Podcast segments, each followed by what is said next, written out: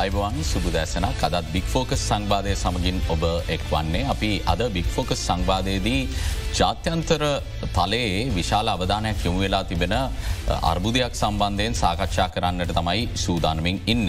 ඔබ මේ වෙද්දි දන්නවා අපගේ ප්‍රධාන ප්‍රෘති ප්‍රකාශයන් තුළිනුත් අපි දිගින් දිගටම තොරතුරු ඉදිරිපත් කරපු නිසා. සුඩානය තුළ මේ වන විට අරගලකාරී ඉතාම ප්‍රචන්්ඩ සටන් ඇවිලමින් තිබෙනවා. ඒ නිසාම ලෝකේ බොහෝ රටවල් ඔවුන්ගේ රාජතාන්ත්‍රික නිලධාරීන් එත් එක්කම පුරවැසියන් හැකි ඉක්මනින් සුඩානයෙන් ඉවත්කර ගැනීම සඳහා අවශ්‍ය පියවර ගනිමින් සිටින අවස්ථාවක්. ඒ සම්බන්ධෙන් දැනුවත් වනාට මේ සුඩානයේ මේ වන විට තිබෙන තත්ත්වයට හේතුවමොකක්ද විශේෂයෙන්ම මේ වන විට මේ විදිහට පාර්ශව දෙකක් දෙකට බෙදිලා කුමක් වෙනුවෙන්ද සටන් කරන්නේ සඳහා මේ තැනට මේ තත්ත්වය දියුණු වෙන්න මොන වගේ පසුබිමක්ද හේතු කාරණාවනේ කියන කාරණා පිළිබඳව බොහෝ දෙනෙක්ට වැඩි අවබෝධයක් නෑ. එනිසා අදාපි තීරණය කලා. සුඩානයේ පවතින තත්ත්වය පිළිබඳව සහ එහි පසුබිම පිළිබඳව ඉතිහාසයත් එක්ක කතා කරන්න ඒ වගේම මේ පවතින තත්ත්වය ලෝකයට මොනවගේ බලපෑමක් වර්තමානයේදී එල්ල කරයිද කියන කාරණාව ගැනත් පුළුල් වශයෙන් සාකච්ඡා කරන්නට. හිටපු විදේශකටතු අමත්‍ය රෝහිත බෝගොල්ලාග මහත්මයට ඇරයුම් කළේ ජාත්‍යන්තර සිදුවී විශ්ලේෂකෙක් විදිට අද අපේ ප්‍රේක්ෂකින්ට මේ කරුණු පැහැදිලි කරන්න අයිවන් කියලබතුවා පිළිගන්න. මුලින්ම මං කැමති ඉතිහාසයට යන්න. සුඩානය කියන්න කොහොමත් අර්බුදකාරී සිදුවීම් ගණනාවකට මුහුණදීපු රාජ්‍යයක්. අප්‍රිකානු මහද්වීපේ තෙවන විශාලතම රට. ඉතාම වැදගත් ස්ථානයක ලෝක සිතීමේ පිහිටා තිබෙන රටක් වුණත් ඔවුන්ට අදවනතෙක් ඉතාම දියුණු රාජ්‍යක තත්වයකට පත්වන්නට හැකියාවක් ලැබිල නැහැ දරිද්‍රතාව ඉන්න රාජ්‍යයක් අපි මේ පසුබිම කතා කරලා පටන් ගමු හිටපු විදේශ කටයුතු ඇමතුමා. මහිතන හිතාමත්ම හොඳ අවිතීරණ වීමක් විශේෂයෙන්ම සුදානය කියන්නේ මිලියන හතලිස් හතරක ජනතාවගේ රටක්. මේ රට අප්‍රිකානු මහාදීපේ විශාලතම රට විදියට පැවතුනා එදදාස් දෙදස් එකුල්හා වර්ෂය වෙනක. ඊට පස්සේ බෙදුම්වාදී වැඩපිළිවෙලක් නිසා දකුණු සුදානය සුදානයෙන් බෙංගුණ දෙදස් එකොළහයිද. මේ විශේෂත්වය වෙන්නේ සයට අනු හතක් වගේ ජනතාව මුස්ලිම් භක්තිකය ඉස්ලාම් භක්තිය. සුනිවාදී ඉස්ලාම් භක්තික. ඒ වගේම සයට හතරක් වගේ ක්‍රිස්්ටයානු භක්තිකයුණුත් මේ රටේ ජීවත් වෙන. මේක ඉතිෝපියාව චෑඩ් ලිබියාව ඒ අප්‍රිකානු මහදීපේ උතුරු කොටසේ. රතු මුහුදට ආශ්‍රිතව පිහිටා තිබෙන රට. මෙහි මුූදු තීරය පමණක් රතුමූදට මුහුණලා කිලෝමීට නමසීයක් එක දිගටම පාති. ඒ වගේම භෞතික සම්පත් අඩු වනත් සහරා කාන්තාරයේ රටක් වුණත් එහි නිදංගත විශේෂම කනිජ තෙල් විශාල ප්‍රමාණයක් තිබෙන. අද මේ අර්බූදයට මංහිතන්න පෙර ගමන්කරුවෙක් විදියට මන්දකින්නේ එදා බශී කියන එදානොසේ අනුත් තුනේ විතර ඉඳලා. එක්දස්නම සසු නම එක්දා නමසේ අසු නමීන්ල දෙදස් දහන මේ වෙනකම්. ඔමාරල් බශී උමරල් බශීල් මේ ඒකාධිකාරී ඒකාධිපති පාලනය ගෙවිච්ච ජනාධිපතිවරය. ඔහු බලයෙන් පහ කරලයි ඊට පස්සේ අද තත්ත්වය වෙනකොට දකුණු සුදානයේ දෙදස් විකුල්හයිදී ඉවත් වුණා ඒ වගේ මේ වෙනකොට එහි ගොඩනකු බශීර් මේ ජනාධිපතිවර එදා ඒකාධිපති ජනාධිපතිවරය ගොඩනැගවා විශේෂයෙන්ම හමුදාවත් හමුදාවට පරිබාහිරව. ඒක රැපිඩ් සපෝට් ෆෝස් කියනක. ඒක ඇන්නේ හමුදා වගේම තමයි නමුත් හමුදාව නෙමේ පරිබාහිරව. සමන්තර හමුදාව සමාන්තර හමුදාව. හබ මේකාරය රතුකුරුමිනියයි කල්කුරුමිනිය වගේ වැඩේ. ඒ වෙලාවේ පොල්කුරුමිනියන්ගේ රතුකුරුමිනියා යම්තාක් දුට මර්ධනය කරගන්නට කළුකුරුමිනිය කියනවා නැත්තන් කල්විකුඩුමිනිය වර්ධයන රතුකුරුමිනිය කියන ඒ වගේ මේ බශීර්ගේ ක්‍රමවේදයක් තිබත් දකුණු සුදානය මර්ධනය කිරීමට තමුන්ගෙම තියෙන හමුදාවලට බාහිරව තමුන්ට මාවෙනෙක වෙච්ච. හමුදා පැලැන්තයක් ඒකන්නේ අපි දැන් බැලුවොත් සමාජය හඳුන්වන්නේ රාජ්‍ය ත්‍රස්්‍රවාදයක් කියන වැඩ පිළිවෙලකට අවතීරණවීමක් මේ සිත්. දෙදස් එක්කේ වගේ ඩාෆුර් ගැටුම් අවදයේදී අවදයම. මේ කාටුම් කියන අගනුවර තිබ්බට විශේෂෙන්ම දාපුර් වගේ තැන් තමයි මේ බල අධිකාරය තියෙන. අද RSF එක විශේෂයෙන්ම ඒ ස්ථානය දාපුර්වල සෑහන බලයක් අල්ලගෙන ඉන්න පිරිස. දැන් මේ බල අර්ගලයට ප්‍රධාන වශයෙන් බලපාලතිබෙන ඉන්න හමුදාපති. ඒකැන් නීතියනුකුල් හමුදාපති භාෂන්. ඒ හමුදාපතිත් ඒ වගේම ආර්SF එක බලධාරිය විදියට කටයුතු කරන දැගෝලක් මංහිතන්නේ ජෙනරල් දැගුල. අතර තියෙන මේ බල අර්ගලයක ප්‍රතිඵලයන. මේකට සාපේක්ෂිතව වෙන වෙන කණ්ඩ ඇන්දමික ආධාරකණ්ඩ බාහිරසා අභ්‍යන්තර. ඒකැන මසින් රිස්ලයින්න ලෝකේ වෙ කර්බූදයක් කොතැන්ද එතට ගුඩේ. දැ මේක අර නින්දිත් නිදංගත සම්පත් පිටිපස්ස හමායන තා පිරිසක්. මේ අවස්ථාවේ නොයකුත් ආදි වශයෙන් අපි කියනවා බෝලෝඩ්ස්ල ඉන්නවා ඩ්‍රග් ලෝස්ල ඉන්නවා. අයතුවට මේ යුද උපකරණ සම්බන්ධයෙන් ආයුද්ධ සම්බන්ධයෙන් බෙල්දාමට යෙදීන්න පිරිස් ඇති වෙනවා. ආදී වශයෙන් විශාල පිරිසක් දැ බාහිරවත්. මේකට අභ්‍යන්තරයට ඇතුල්ලෙල. අපි මේ ගැන තවදුරටත් කතා කර මේ ගැඹුරින් සාකච්ඡා කරන්න නිසා අර්බුදය තේරුම් ගන්න දෙදස් දහනමේදී ඔමාරල් බශීර් ජනාධිපතිවරයා පලවා දමලා අලුත් පාලනයක් ස්ථාපිත වෙන සුඩානය තුළ එක මිශ්‍ර පාලනයක් විදිර තමයි හඳුන්නන්නේ මොකද හමුදාව සහ සිවිල් පාලනය කියන දෙකම ක්‍රියාත්මක වෙනවා. දෙදස් විසියකේදී බෝගල්ලාග මහත්මයා මෙය මුළුමනින්ම යළිත් හමුදා කුමන්ත්‍රණයකින් හමුදා පාලනයක් බවට පත්වෙනවා. ඊට පස්සේ අබ්දෙල් පටල් අල් බුරහන් මේ වන විට හමුදා නායකයා පලවෙනිය බවට පත්වන රාජය ඊට පසේ ඩැග්ලෝ තමයි දෙවනිය බවට පත්වෙන්. උන් බෙදිලයන්න කුමන කරුණක් නිසාද මේ හමුදා පාලනය පවත්වාගෙන යන අතරතු. මං හිතන්න මේගුල්ල බලාපොරොත්තු එකගතා ගිවිසුම. මේදී ඉතාමත්න බැදගත් වෙන. මේ බලය එකට මුක්ති වෙන්නට. කිවසුම් ගත වුණා. ඒක අනුව තමයි අල්බශීගේ අවශ්‍යතාව තිබේ මේ හමුදා මේ පිරිස් දෙකම එක ස්ථානයකට ගෙනන්න. නමුත් මෙහි දේශපාලන බලය අල්බශීට ලැදී වැඩියෙන්ම අපි කියන ආර්ස් එක ඒකැන් දැගලෝ.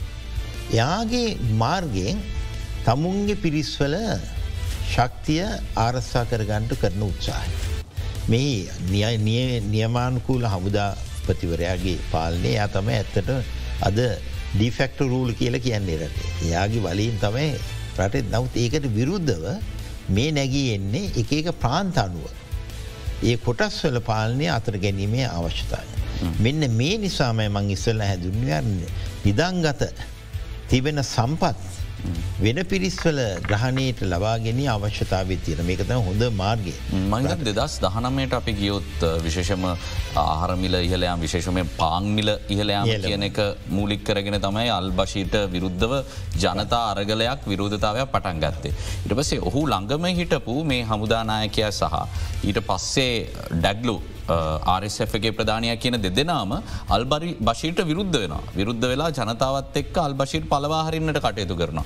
මේක පිටුපස්ස බාහිර බලවේගයක් ක්‍රියාත්මක වුණා කියලා අපිට උපකල්පනය කරන්නට හැකියාව තිබෙනවා නද මුකල් ළඟම හිටපු දෙන්නෙක් තමයි මේදී විරුද්ධ වෙලා නායකයා පලවාහරින්න කටයුතු. ද මේ සම්බන්ධ විශේෂම කියනර මර්සෙන්රල් කණ්ඩායමක් රුසියානු මර්සින්රි කණ්ඩායමකුත් මේක පිටිපස්සේ ඉන්නවා කිය වැක්න වැට්න.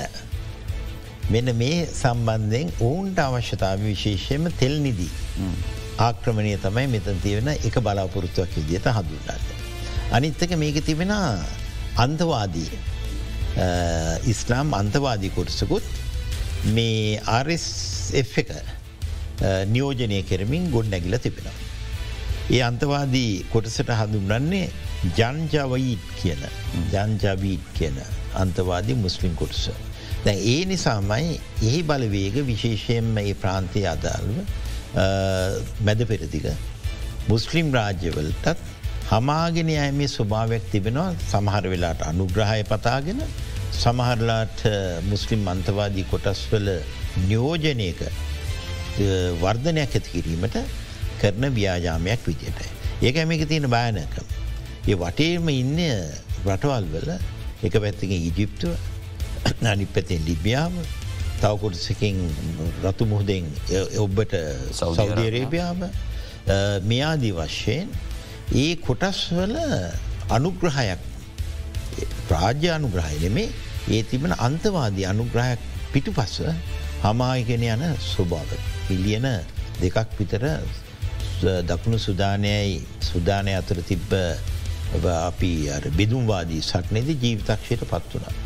තව මිලියන හතරක් විතන. ඒ රට ඇරයෑමේ අවශ්‍යතාවයට යොමුණා. ඒ තමුගේ ජීවිත බේරගන්න. මෙයාදී වශයෙන් බලපුහම අද මංහිතන ලෝකෙ ඉතාමද දුගේ දුප්පත්. අසරණ වෙලා ඉන්න ජන සමාජයක් විදියට අපිට සුදානය හඳුගන්න. එක පැත්තකින් මංහිත අද උදේමෙනකොට සෙන්ටල් බැංකුවට ප්‍රහාර ඉල්ලකාට නම ඇතුළම කොටස් දෙකේ. ඒ තමුන්ගේ බලය කුයියාකාරයද මේ අගනුවර මේ දින දාහතක් වගේ ඇතුළට පන්සිය පන්සිය දෙන ජීවිතක්ෂයට අද ඇරණුකොට පත්වෙලා තිබෙනවා. ඉති මේක තියෙන් බරපත්ලක තා පන්දහක් විතර තුවාල් ලැබල තිබෙන. පවුල් ලක්ෂ අටක් යන අවතැන් වෙලා තිබෙන. එතෝට ඒ පැවුල් ගොඩනැගින්ට වෙන්නේ වෙන් රටවල්වලට යොමුවීම තුළින්.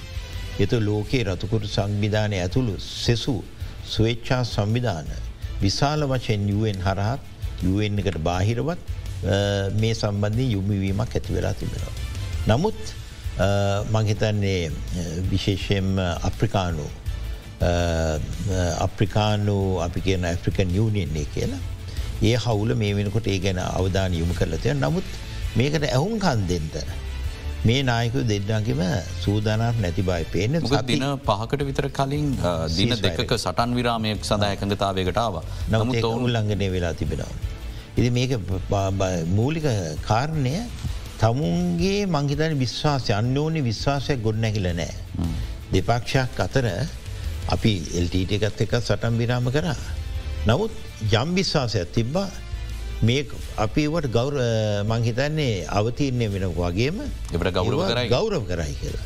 මෙතනේ ගෞරවයක් ලබා ගැනීමේ මංහිතන්න මැදිහත්වීමක් හෝ හැකියාවක් අභ්‍යන්තරික වශයෙන් ඒ දෙපාර්ශය අතර තියෙනවා කියලා. මේ වෙද්දී රාජතාන්ත්‍රික නිලධාරීන් බොහෝ රටවල්වල රාජතාන්ත්‍රික නිලධාරීන් ළඟපාත තියෙන රටවල්වලට පිටත් කරව ගන්න කටයුතු කරමින් ඉන්න බොහෝ දෙනෙක් ජෙඩා වෙත රැගෙනෙනවා නෞකාමාර්ගෙන්. දැන් මේ වගේ තත්ත්වයක් නිර්මාණය වෙන්නේ ලෝකයේ රටවල් කිසිවක් කියන දෙයක් මේ පාර්ශව දෙකම කිසි ලෙසකින් ගෞරව කරන්න නැති තැනක් නිර්මාණය වෙලා තියෙන නිසාද. ඕ මංහිතන ඒක ඒ හුඟත් තැන්වල අර්බූද දිගින්දිකටම යන්නේ ලෝක මතයට එකක් ගරු කරන්න නැතිවීම.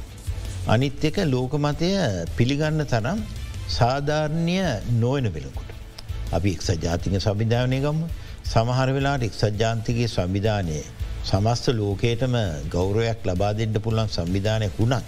සමහර තීරණවලදී රටවල්වත් ඒක පිටුපාන්ට අවස්ථාවල් එනවා. දැන් අපි දැක්කා අපි කටයුතු කරපු කාරය විශේෂෙම් ලංකාවේ LTT ත්‍රස්්‍රවාදය මර්ධනය කිරීමේ ජාතික අවශ්‍යතාවය සහ නීති අනුකූල අවශ්‍යතාවේ අපි ඉදිරියේ පෙනි පෙනිතියද. සමහර වෙලාට ත්‍රස්වාදීන් මර්ධනය කිරීමට ගතයුතු ක්‍රියාමාර්ග ගැනීමට බාධා ඇති වන අවස්ථාවලති. බාහිර බාධ බාහිරවන්. ඒවගේම රාජමාන්තමින් බාධාවල්. සමහරලාට තර්ජනාත්මක බාධාවල්. මේ අදී වශය අවස්ථාවල් වලදී තමුන් ස්වයිරී රටක් විදිහට තමුන් තීරණය කරන්න වෙන්නේ රටේ අභියුද්ධිය රටේ ආරක්ෂාවයි ජනතාවගේ අභියුද්ධය කියන මේ පරම ඉලක්ක දෙක මුල් කරගෙන. එතෝට අපි ගෙන අපි මේ ජාතියන්තර මතයට ගරු නොකර කිය. නමුත් ඒකට හේතු තිබෙන. එන ඒ වගේ තත්වල් සමහරලාට ඇතිවෙන්න පුළුවන්. නොත්ම මෙහි දකින්නේ එකම යුද හමුදාවක්සා ඒකට පක්ෂග්‍රහයු කටයුතු කරපු එක පිරිසක් අනිත් පිරිසත් අතර තිබෙන ඒ සහයෝගිතාවය විශ්වාසය පළුදු වෙලා නායකත්වය සම්බන්ධය මහිතන බලය හමාගෙන යන. බලය පිටු පස් යන අර්ගල එබ්බට මේක පරිගත් වෙලා තිබුණ. නැත්තම් මන් දකින්න එකම පිරිසක් මේ විදියට රට ඇතුළේ දේශපාල න්‍යායධර්මයක් කම් සඳහා නෙමේ මතු වෙන්නේ. තමුන් එක පැත්තේ කවන්ට විල්ටිය ගැනයකුල් කර අනිත් පැත්තේ එක ඉෂ්ට කරින් නෑ කියන මතය. ඒ වගේ මනිත් පැත්තෙන් චෝදනගන වැඩියෙන්ම තමුන්ගේ මානුසික අයිතිවාසය උල්ලංඝනය කරලා තියෙන්නේ අපි කියන RSF කටයුතු කරන පිරිස කියලා. ඉති මේ අනුව විශ්වාසය පල්දුවී මහිතන්නේ උපරිම හේතුවක් කියලා තිබෙන.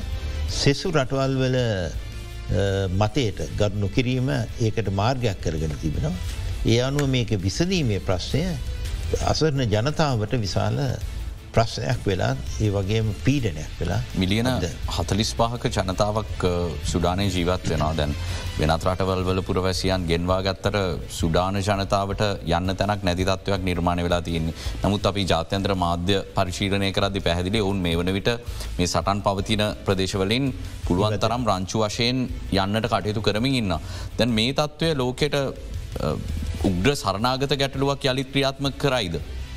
මේ සම්බන්ධය එක එච්චර බලපෑමක් ලෝකය පුරාම විහිදෙන් නැත්තේ මතවාදී බලපෑමක් ඇති වෙනවා. ඇයි මේක අසාධාරණයක් මෙත සිද්ධ වෙන කියන නිගමනයට අපි කවුරුත් එන්ට සිද්ධ වෙන. නමුත් ඒක බලපෑම කොච්චර විකාශනය වෙනවාද කිවොත් මේ තාක්කලුත් මේ මෙතන විශාල අර්ගලයක් තිබ්බ රටක් සුදානය. නමුත් ඒක විකාශනය වෙන්නේ සුදානය අවට තිබෙන රටවල් කීපයකට පමණයි. අන ඒ වගේ දැන් කින්‍යාව ටික පල්ලහැන් තියෙන ඉතිෝපයාව ඊට අල්ලලාම තියෙනවා. චැඩ්කෙන් රට යනි පැත්තෙන් මංහිතන්නේ බස්නාහිට පැතින් තිබෙනවා. ඊජිප්ත උඩින් තිබෙනවා. නමුත් මහ විශාල වශයෙන් මේ වෙද්දිත් විසිදාහක් පමණ චැඩ් වෙත ගිහිල කරල තියෙන එතෝට මේ එහෙම ගියා කියලා ඒ මංහිතන්න ප්‍රාදේශය මට්ටමේ යම් බලපෑමක් ඇතුවනත් ජාතියන්ද ප්‍රශ්යෙන් මේ සරනාගත වැඩ පිල්ලක් ක්‍රියාත්මක වෙනවාත් කියලා අපිට කියන්ට බෑ. නමුත් මන්දකින්නේ මේ මරණ සංඛ්‍යාව සරනාගතයෙන් අතරින් වැඩිවුණොත් ලෙඩරෝග බෝවුණොත් මහිතන කොල්රා මේ වෙනකොට තර්ජනයක් ඇබිල තියෙන කොල්ර රෝගය බෝවීමේ ලක්ෂණ මේ කදවුරුවන එහෙම වුණොත් ඒ අවස්ථාය මානුසික මෙහිමක් සඳහා ලෝකයට මැදිවත්වීමට අනිවාර්යම සිද්ධ වෙනවා. අනේ තුළ තය මන් දකින්නේ ඒවගේ බලවත් රටවල් දැන් අපිකාව තියෙන විශාල් ලෝකයේ තියෙන බලවත්ම රටවල් කීපයක්. ඒතින් ඒව රටවල් වල හැකියාව තිබේ යුතුයි තමුන්ගේ කලාපේ මෙවැනි අර්බූදයකදී කොයි විදිහද විසඳුමක් ගෙනන්න කියනක. නමුත් ඒ විසඳුම් ගේන්ට මේක විශේෂය මේ හමුදා දෙකක් එකම රට ඇතුළේ නිර්මාණය වීමයි. එක රටක් තුළ අල් බශීරෙදා දුරදිග නොබලා කරපු කටයුත්තත් එක්ක. එක අනිත් පැත්තෙන් කියනවා මේ අල්බශීර්ගේ අවශ්‍යතාවය වනේ උපක්‍රමය වනේ හමුදාව ගමම හමුදාමත් පාලනය කරන්න පුලන් තමුන්ගමක ලැදි පිරිසක් නිර්මාණය කරගෙන මේතික ගක්ටනය කරන එක.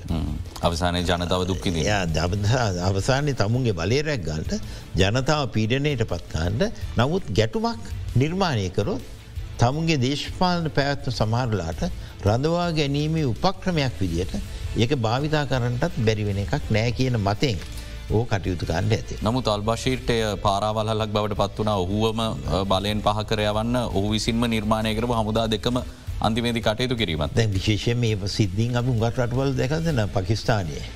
සමහරලාට පාලිකෙන් හිතන හමුදාව ආරස්සා කරනවා කියල පාලික. ඒ නමුත් අනි පැත්තෙන් තමුම්ම පත්කරපු හමුදා ප්‍රතිවරු තමුම්ම මංහිතන්නේ දනුවම්වලටත් නැත්තම් බලයෙන් පාකිරීමේ ක්‍රමවේදයටත් අවතීරණය වනවා. එද මේක ස්වභාවයක් මංහිත දේශපාලන කලාපෙත් ඒක මංහිතන් ලංකාවගේ රටක්. අපි හුඟක් මංහිතන්නේ හුඟක් කොන්ෆලික් වලට නැත්තම් ප්‍රශ්නවලට මුණ දුන්න රටක් නිදහසෙන් පස්සේ ඒකතය වැඩියම්ම මේ අපේ බෞනික අකණ්ඩතාවේ ආරස්සා කර ගැනීමත් විදුම්වාදී වැඩසටහන් වලින් දුරස්වීමත් ජනතා මර්ධනය ප්‍රජාතන්ත්‍රවාදී නීතිරාමක් තුළ මර්ධනයක් නෙමේ හැඩ ගැස්වීමක්. අපි අනිවාර්යෙන්ම නිර්මාණය කරගතයු කියන ස්ථාවරය අපි සිටිය යුත්තේ.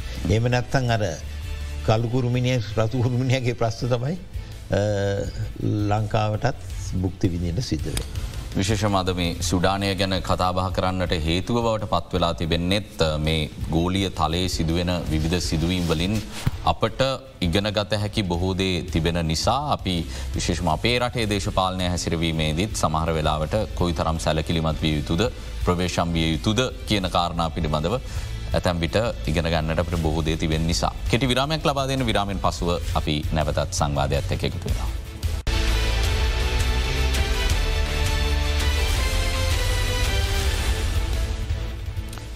හිටපු විදේශකට අමාත්‍ය රෝහිත බෝගොල්ලාග මහත්මඇත් එක් අපි සාකච්ඡා කරමින් ඉන්නේ සුඩානයේ මේ වන විට පවතින තත්වය පිළිබඳව ඇති වෙලා තියෙන සටන් පිළිබඳව එකට හේතුව මොකක්ද කියන කාරණාව ගැන අපි පසුබීම පැහැදිලි කරගත් අවිරාමයට කලින් හිතවදුරටත් සාකච්ඡා කරමු. බෝගොල්ලාග මහත්මය දැන් විශේෂ මේ ජනතාව ආරක්ෂිත වෙනත් රටවල්වලට රැගෙනයාම කියන කාරණාවද අපි දැක්ක යුක්්‍රේන අර්බුදේදී ඒත් එක්ම ඇෆ්ගනිස්ථාන ඇති වෙච්ච තත්වේදි දෙදස් විසි එකේදී. බ්‍රිතාන්‍ය වගේ රටවල් සමහර වෙලාවට ආරක්ෂිත මාර්ග සකස් කල්ල දුන්නා මේ ජනතාවට තමන්ගේ රටවල් තුළට එන්න. නමුත් දැන් බ්‍රිතාන්‍ය මේ සංක්‍රමිකින් සම්බන්ධය නිතාම දැඩි නීති ගෙනල්ල තින නව පනතත් එක්ක යන ඔවුන් මේ වෙද්දිත් කියල තියෙනවා මේ සුඩානී ජනතාවට තමන්ගේ රට ඇතුල්වීමට එවැනි ආරක්ෂිත මාර්ග සකස් කිරීමේ කිසිම අපේක්ෂාවක් නෑ කියලා. ඇයි මේ වෙනස් විදියට සැලකීම් අපිට දකින්න පුළුවන් විටින් විට. මං මේක දකින්න විශේෂයෙන්ම මේක සුවිශේෂ ගන්නේ අභ්‍යන්තරික ප්‍රශ්නයක් තුළ නිර්මාණය වෙලා තිබෙන බල අරගලයක ප්‍රතිඵලයක් විදියට ඇති වෙලා තිබෙන මංහිතන්නේ කටයුත්තා. ඒක ප්‍රතිඵලයක්. දැන් බෙහුගක් වෙලාට ආක්‍රමණ ශීලී නැත්තම් බාහිර ආක්‍රමණයක් තුළින්. ඇති වෙලා තිබනං අරගලයක් ඒ බාහිර ආක්‍රමයේදී අසරන් ජනතාවගේ දුක්විය අසරණවීම සම්බන්ධයෙන් ජාත්‍යන්තර බැඳීම් තිබෙන කටයුතු කළ යුතුයි කියන්න. දැන් අපි ගත්තොත් යුක්්‍රේණය. බාහිර බලපෑමක් ඇතු වෙලා අභ්‍යන්තරය විනාසකාරී තත්ත්වයකට පත්වෙනකොට අසරණ ජනතාව වෙනුවෙන් මානුසක මෙහිවීමේ වක්කීම ජාතියන්තරයටත් රටවල්බලටත් එක්සත් ජාතීන්ගේ සංවිධානයටත් පරම කටයුත්තක් විදියට යුතුකමක් වක්කීමක් විදියට ඒක අන්තර්ගත වෙනවා. නමුත් රටක් ඇතුළේ නැ මෙත බිදුම්වාදයක් නෑ. මෙත තියෙන්නේ ඇතුල් බලය බලය පාමා යන අවස්ථාවක එක කොටස් දෙකක්. හමුදා කොටස් දෙකක්. එදා ගොඩනැගපු නියම හමුදාවයි ඒට සාපේක්ෂිත ගොඩනැගපු අනිත් බාහිර හමුදාවයි එකම රටක එක මනුස්්‍යයෝ ගානයක් යෝජනය කරන කිසිදු බෙදුම්වාදී ලක්ෂණයක් අන්තර්ගත නොවෙන ඒවගේ මූල ධර්මවාදීන් තුළ අන්තරයකට හෝ කෙලවරකට ගිය නොගිය අවස්ථාවක බලකඳුරු දෙකක් එකම රටක් තුළ කෙරන නිර්මාණය කරගත්ත අර්ගලය බලය හිටපු හිටපු දෙන්න එක්කෙනෙක් ජනාධිපති වගේ අනිත කෙන නියෝජනක ජනාධපති වගේ. ඒ බලය තුළ. ඒ නිර්මාණයෙන් එක පැත්නේ දෙන්නමෙක්කව වෙලා භාශීර්ව නිරපන අධිදස් දහනමේදී ඊට පස්සෙ පාත් කරගන්න සමූහ රජය තුළ මේ දෙගුල්ලම බලය ගෙනියෑමේ වැඩ පිල්ලට අවතියන්නේ වුණත්. දැ මේදි මන් දකින්නේ විශේෂම අපිගත්තොත් ආර්ෙක් නේද. ආර්F එක ප්‍රධාන බල්ධාරය විදියට කටයුතු කරන දැක්ලෝ. ඉතාමත්ම බලසම්පන්න හමුදානායක පමණක් නෙමේ ව්‍යාපාරකය. යාගේ තමයි වැඩියම්ම රත්තන නාකර නිත්‍යාන්ගුල නෝනාකර වල හිමිකරුවෙක් විදියට මේ බලය නිසාම ලබාගෙන තිබෙන නිර්මාණය කරගන තින ආර්ථික ශක්තියක්. ඉති මේ රත්තරන්න ආකර පිටි පස්සේ. බාහිර කොටස් උනන්දුවකුත් දක්කෙන. එතුවට බලය තියෙන්නේ රත්තරනාකරවල අයිතිකරුගේ ය හමුදාමය ශක්තිය තුළත් ඉදිරියට යම් රජයේ රාජතාන්ත්‍රික භාවයක් ගැනීමේ හැකියාව තුළත් නිර්මාණය කරගත්ත ගමන්නක පෙරගමන්කරුවෙක් විදියට පිටිපස් එන පිරිස වැඩිකර ගැනීම හැකියාවක් දේශය වශයෙන් සහ බාහිර වශය. ඔහුට දැම්මී වෙනකොට ඇත් වෙලා තිබෙනම්. ඒම නිසාමයි හමුදාවේ නීතියානුකුල හමුදාව. සාපේක්ෂිතව ඉතා මෙහෙවුම් හැත්ත දහක් විතරන්න. හැත්ත දහක් විතරන්න ඉටත් වන යුද්ධමය පලේන්ද අවශ්‍ය දැන් කියනවා රශයෙන් අවියාද විශාල් වශයෙන් මේ කොටස ආරස් එක පාවිච්චයට ලබාගෙන තිබෙනා කියලා. ඉති මෙ නිකල් ලැබෙන්න ට හේතු සාධක තිබෙන මේවට මාර්ග ඇතිවෙන්ට ඕන. එම නිසාම මේක විශාල මේ ඇගේ ඇතුළි තියෙන් ප්‍රශ්නයක් පිට අයට ගිල්ල අයිංකරගන්න බැරි තත්වකට ඇවිල තිබෙන්නේ. මොකද මේ ගොල්ලු දෙදෙනගේ තියෙන එකඟ තත්ත්වය එකගත්වය උඩ පමණයි මේකට විසඳු මේ හැකියාමකුත් නිර්මාණය කරගත යුත්තේ. ද මොනාද මිල්ලන්න. රටේ බලයද සමස්ත බලයද මහචන්දයක්ද ජනාධපත් හන්දයක්ද මොකක් තුළින්ද මේක අවසානය දකිෙන්ුවේ මරාගෙන අවසන් කරන්න බෑ. එති මේක තාවකාලික සටන් ඇති වෙනවා. විරාමත් අවශ්‍ය වෙනවා. නමුත් එක ස්ථාව කෙනෙක් තමුන්ගේ ශක්තිය අනිත් පිරිසට වඩා අභිභා යන තත්ත්වයට ගෙනෙනකං මන්දකින්න සටම් විරාමයකටත් එක වෙල තැකෙනෙ දුර්වල වුණාම් සටම් විරාමවලටත් එක වෙන නවත් බල සම්බන්න වුණහමත් සටම් විරාම්වලට එකගවීමේ මංහිතන අපි කියන ස්ටටජික් වැඩ පිළිවෙලක් කරගත යුතුය. ද මේ අප්‍රිකාවේ අපි දැකපු තවත් ඉතාම දීර්ඝ සිවිල් යුද්ධයක ආරම්භයද අපි මේ දකින්නේ. මේක අලුද්‍යයන්න මේ සුඩාන් කියන අවාසනාවන්ත රටේ ඉතිහාසය බලපාම වෙන් රටවල්වල් තිබ්බ සිවිල් යුද්ධවලට සාපේක්ෂිත ටියක් වෙනස්. මොකද එකම කොටසක් ඇතුළේ බඩ සම්පන්න නායකයොත් බිහි වෙලා නෑ බශීර්ගෙන් පස්සේ. මේ හමුදාමය ගැට්ටුමකට ආව මිසාක්. දේශපාලන වශයෙන් අපි දැක්කා විශේෂ බලපාම සැම්බියාව කෙන්යාව ඒ වගේ ප්‍රජාතන්ත්‍රවාදයේ හඬ මතු වෙච්ච රටවල් තිබ්බා. ප්‍රජාතන්ත්‍රවාදී සන්දක්‍රම ව්‍යස්ථාවන් අවශ්‍ය කියපත. සුඩානෙත් ඒ සාකච්ඡාව තියෙනවා. ඒ සාකච්ඡා තියෙනවා. ඒ වගේ ද සුඩානය කරපදී චන්දයක් රාමුවක් තිබෙනවා. ඒ ජනාධිපති ව්‍යවස්ථාවත් තිබෙන්නේ. බහුතර පාර්ලිමේන්තුකින් පත්වෙන ජන පාලනයක් ගෙනියන්ට නිර්මාණය වෙලා තිබෙන රටක්.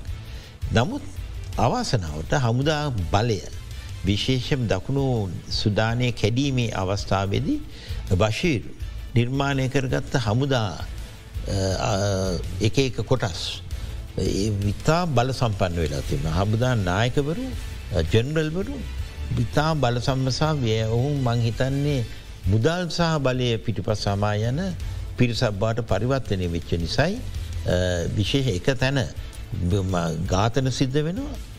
එක තැන දූෂණ සුද්ධ වනා. ස්ත්‍රී දූෂණ. මෙ හමුදාවට සම්බන්ධ පිරිස්විලින් කරන විසාර බර පතලම අපරාධ. ඒවගේ බශී ඇතුළු විහුගක් පිරිසකට හේගවල යුදාධි කරන්නේ වැරදිකාරුවන් බාට පරිවර්තනය වීමේ නඩු පාරලා තිබෙනවා. බශී මේ වෙද්දිත් හිර අඩසේම දැන්වෙනකොට ආරංචිය තිබෙන ඔහු හමුදා රෝහලකට මාරු කරලා තිබෙන සමහර මාධ්‍යවාර්තා සඳහන් කල තිබුණ ඔහු පැනගියා කියලත් නමුත්තය එසේ නොවේ කියලා දැන් අහුරු කරලා තියෙන. දැම් ලෝක මතයට ගරු නොකරොත්. ඕන දෙයක් තමුගේ රට ඇතුළි කරන්න පුළුවන්. බොහොම කලාතුරකින් වෙන රටවල් එක්කවල රට ආක්‍රමණයකට එන්නේ. දැන් මේ සුඩානය තියෙන්නේ රතුමුහදට මායිම්බ ක්‍රමෝපායක වශයෙන් ඉතාම වැදගත් ස්ථානයක ලෝකේ.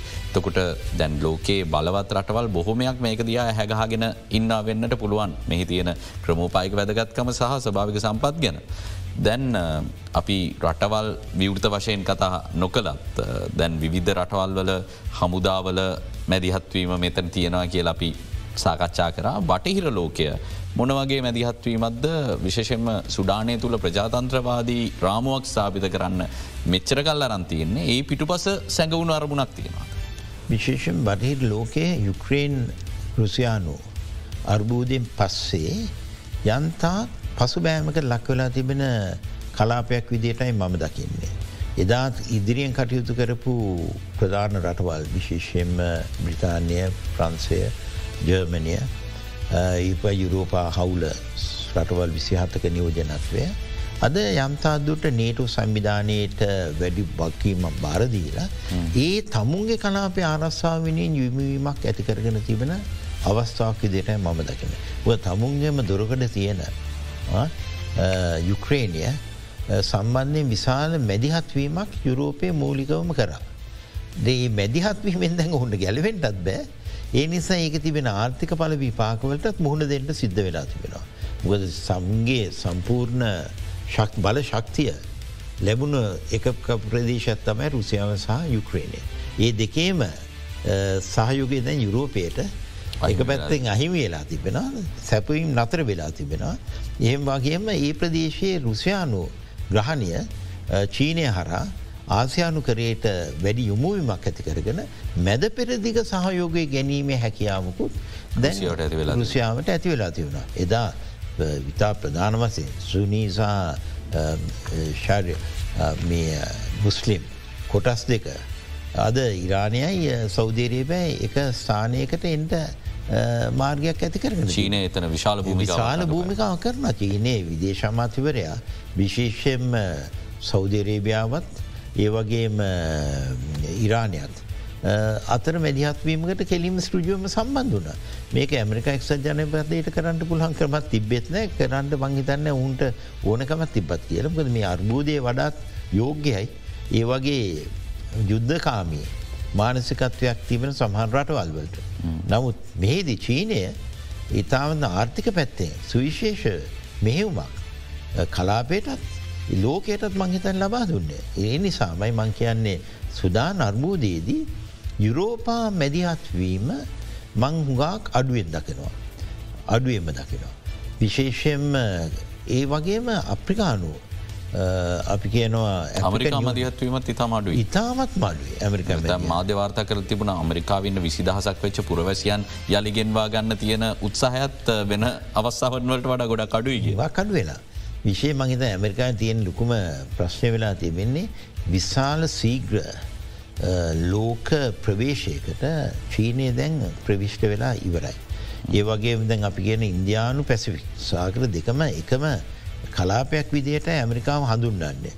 අපිත් ඉන්ඩු පැසිෆික් එක කොටස්කරුවෙක් විදියට ප්‍රධාන කේන්ද්‍රගත ස්ථානයක ස්ටටජික් වැලිුව එකත් තියෙන ස්ථානයක පිහිටීමක් අපිට ලංකාවට තිබෙන.